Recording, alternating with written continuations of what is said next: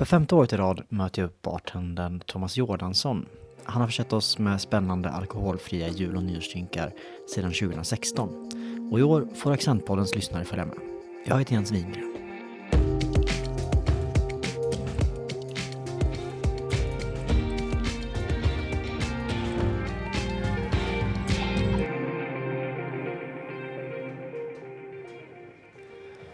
Det här året har Thomas Jordansson bytt bardisk. Trots pandemin har han startat eget med några vänner och finns nu på Rolling Bistro på Gammelstadens fabriker i Göteborg.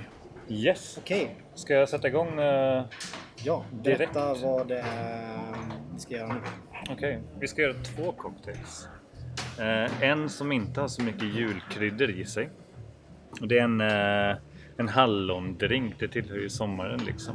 Men eh, eh, det blir jäkligt bra med, med om man har lite så frysta bär i mataffären och bara plocka upp dem och göra ett sockerlag på det. Så, så jag tänkte jag skulle visa hur, hur det skulle kunna se ut. Så. Så jag börjar med eh, 2 centiliter eh, hallonsockerlag. Du har alltså låtit hallon koka med när du gör din sockerlag? Ja, frysta hallon. Mycket billigare och ger ett bättre resultat för när de eh, tinas upp så släpper de liksom all, eh, all färg eller så här. Jag, jag vet inte vad det är de släpper men de, det blir mycket bättre färg och mycket mer smak i freestylen än eh, färska. Och det är ju lättare att hitta freestyle på vintern än färska. Eh, och sen så är det 2 centiliter sock- eh, citron. Lite vatten som är saftspö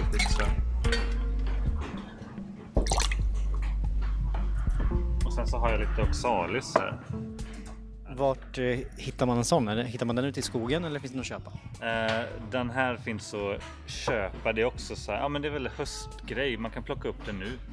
Eh, De smakar ungefär som harsyra. ja, exakt. Det är en eh, version av harsyra. Eh, men ja, den, man, om man går ut nu så kan man hitta det i, i skogen och det växer så länge det inte är fryst så kan man hitta det. Så i början på december också. Thomas balanserar 2 centiliter av den söta hallonsockerlagen med 2 centiliter av citronsaften. Späder med lite vatten och slänger ner allt i en shaker tillsammans med is och oxalis.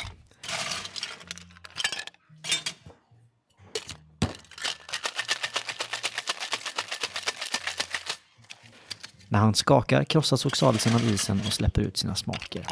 Han silar ner drinken i ett glas med is och toppar med lite sodavatten. Sen har han förberett en lite annorlunda topping att garnera med. lite soda. Och sen så har jag, eh, vad heter det, tagit en purjolök. Och lagt den i, ehm, i, i ugnen och torkat den. Och sen när den är helt torr, den har legat på 300 grader, så så när den är helt torr så har vi bränt av den. Eh, så att den så det blir sånt här, eh, ja det blir aska, purjolöksaska. Så här. Då Det ser ut som kol helt enkelt. Ja. Ja men precis, det är typ kol. Färgar av sig som kol också. Har du fortfarande någon smak av purjolök idag? Eh, jo, men lite purjolök är det. Eh, men just att man vill liksom få en så här en eh, fin dekoration, lite annorlunda. Och kanske julen till med de här rökta smakerna. Men funkar det att bränna lite vad som helst då? Eller är purjolöken bra av någon speciell anledning tror du? Jag, jag tror att den är lättast att bränna i, i ett kök. Men man skulle väl kunna göra kol av, av det mesta som går att eh, äta. Jag skulle inte rekommendera kol från brasan kanske. Men nej, det... Mm, grillkol. Nej.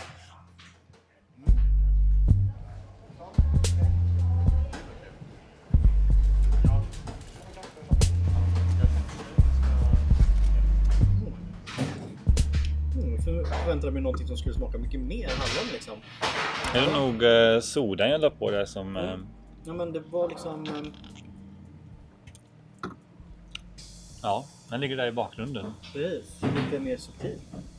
Och det här, vad är detta? Detta är typ en eh, aptitretare. Sockerlag görs genom att blanda ut lika delar vatten och socker och sedan koka upp.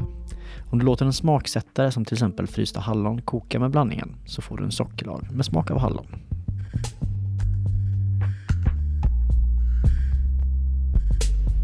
Ja. Eh, vad är skillnaden på att göra alkoholfria drinkar och vanliga drinkar om man ska kalla dem så? ja. Eh, alltså alkoholfria drinkar är svårare på något sätt. För att det är eh, i alla fall jag vet inte om det är så för alla, men för mig så har ju jag lärt mig att göra drinkar genom att göra alkoholhaltiga drinkar. Och det har alltid funnits den där lilla eh, ingrediensen som har gett en eh, skjuts till drinkarna. Ganska så här eh, lätt. Och nu så ska man eh, göra drinkar där, där den inte automatiskt kommer med och då får man tänka lite annorlunda. Så här. Vad, vad är det för saker som eh, som kittlar munnen på ett, eh, på ett annat sätt men liknande. Och eh, ja, men det har, eh, det har sen då öppnat upp ganska mycket eh, generellt för hur jag tänker på drinkar sen jag börjat med, med det här projektet för fem år sedan. Ja, nu, som sagt, det här är femte året som vi gör det här.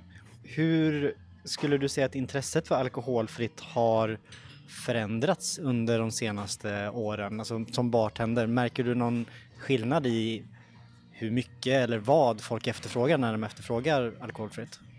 Uh, ja, men det gör jag ju. Och det, så, det har varit eh, per år också. Så här.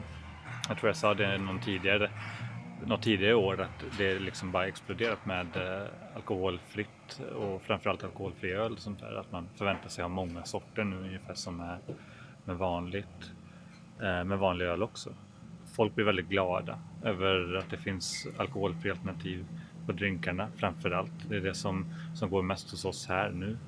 Eh, och sen, eh, sen, eh, sen har det varit som, som åren innan, det bara stadigt ökar. Sortimenten ökar från leverantörerna eh, till oss också. Och deras krav eh, är högre på oss också, att vi ska ta in mer alkoholfria produkter. Det börjar bli naturligt. Eller det är väldigt naturligt. Det är väldigt, väldigt naturligt. Så ska det vara. För ett par år sedan så, så kom det en våg med att göra alkoholfria eh, alternativ som är likadana som det alkoholhaltiga alternativet.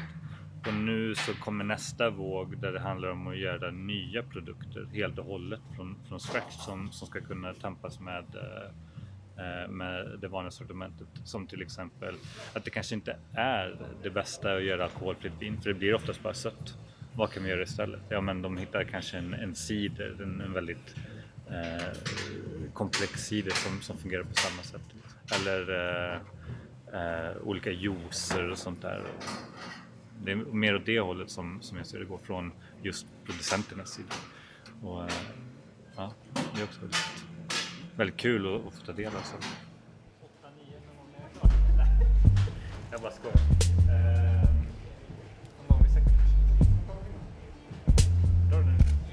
Till drink nummer två har Thomas förberett något lite mer experimentellt. En kombucha gjord på kaffe. Ja, vill du smaka? Det låter väldigt spännande. Ja. Den, eh, nu är inte den här den jästa varianten. Eller den här, vad heter det? Den har ingen kolsyra i sig. Och den är ganska stingig. Jag har inte smakat på den själv.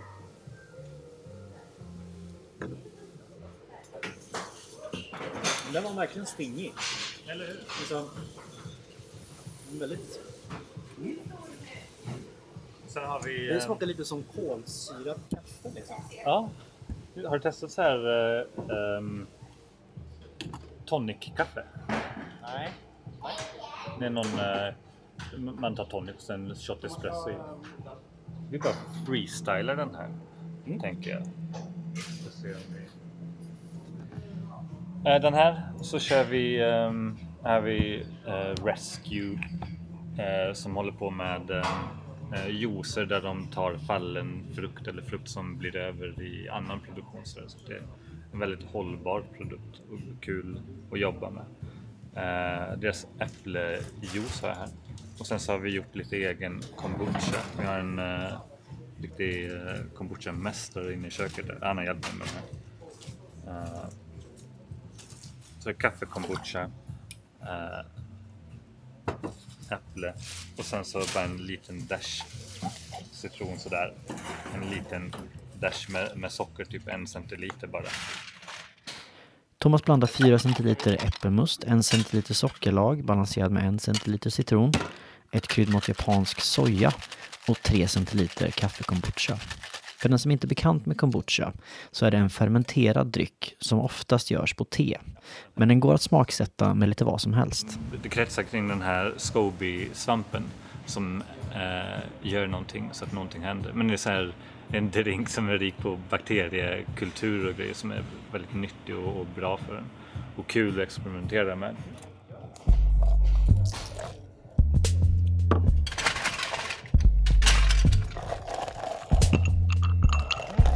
Vilket bra skum det blev.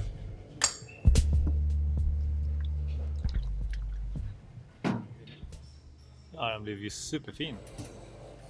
Mm. Vad skulle du, vad har du för tips för folk som vill börja experimentera med att göra egna drinkar hemma? Alltså grundtipset det är verkligen eh, att så länge man har en bra balans på eh, syra och sötma eller sötma och bitterhet så kan man bara laborera hur vilt man vill. Liksom. Det är fantasin som sätter gränserna. En bra regel är eh, lika delar av citron och sockerlag om sockerlaget är eh, 50-50 vatten och socker. Då, eh, då kommer du kunna komma ganska jäkla långt väldigt snabbt. Och sen så eh, var inte orolig och, och eh, testa liksom. Leta igenom skafferiet efter någonting skumt som, som bara står där. Eh, och, eh, ja, och börja leka. Typ det. det är så här, jag såg på Chef's Table eh, som jag blev jäkligt eh, imponerad av. Det var någon, eh, hon var bagare och så hade hon eh, käkat flingor med mjölk och, eh, och tyckte att ja, men mjölken är ju godast när den har legat med flingorna. Så började hon baka kakor på, på flingmjölk liksom och det blev braksuccé. Eh, och det är den mentaliteten man ska ha. Liksom. Ingenting är förbjudet, det är bara att köra. Om, när du själv vill liksom eh, unna dig någonting gott att dricka men eh, det inte passar med alkohol, vad eh, föredrar du att dricka då? Jag är en kaffegubbe. Alltså i alla situationer, alla tillfällen. Jag, jag bara älskar det. Eh, och hela ritualen med kaffe är fantastiskt. Det är det som gäller. Kaffe hela tiden.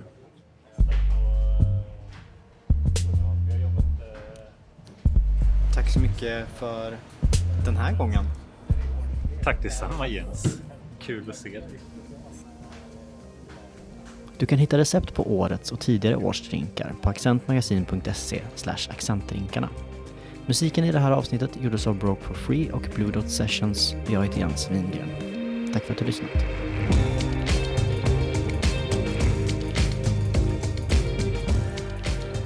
Du har lyssnat på Accentpodden. Accent är Sveriges största tidning om droger och nykterhet och EGT NTOs medlemstidning. Du får gärna höra av dig till oss och berätta vad du tyckte om den här podden och vad du skulle vara intresserad av att höra mer om i framtiden. Du når oss på accent Du hittar våra senaste nyheter på www.accentmagasin.se eller på Facebook. Tack för att du lyssnat!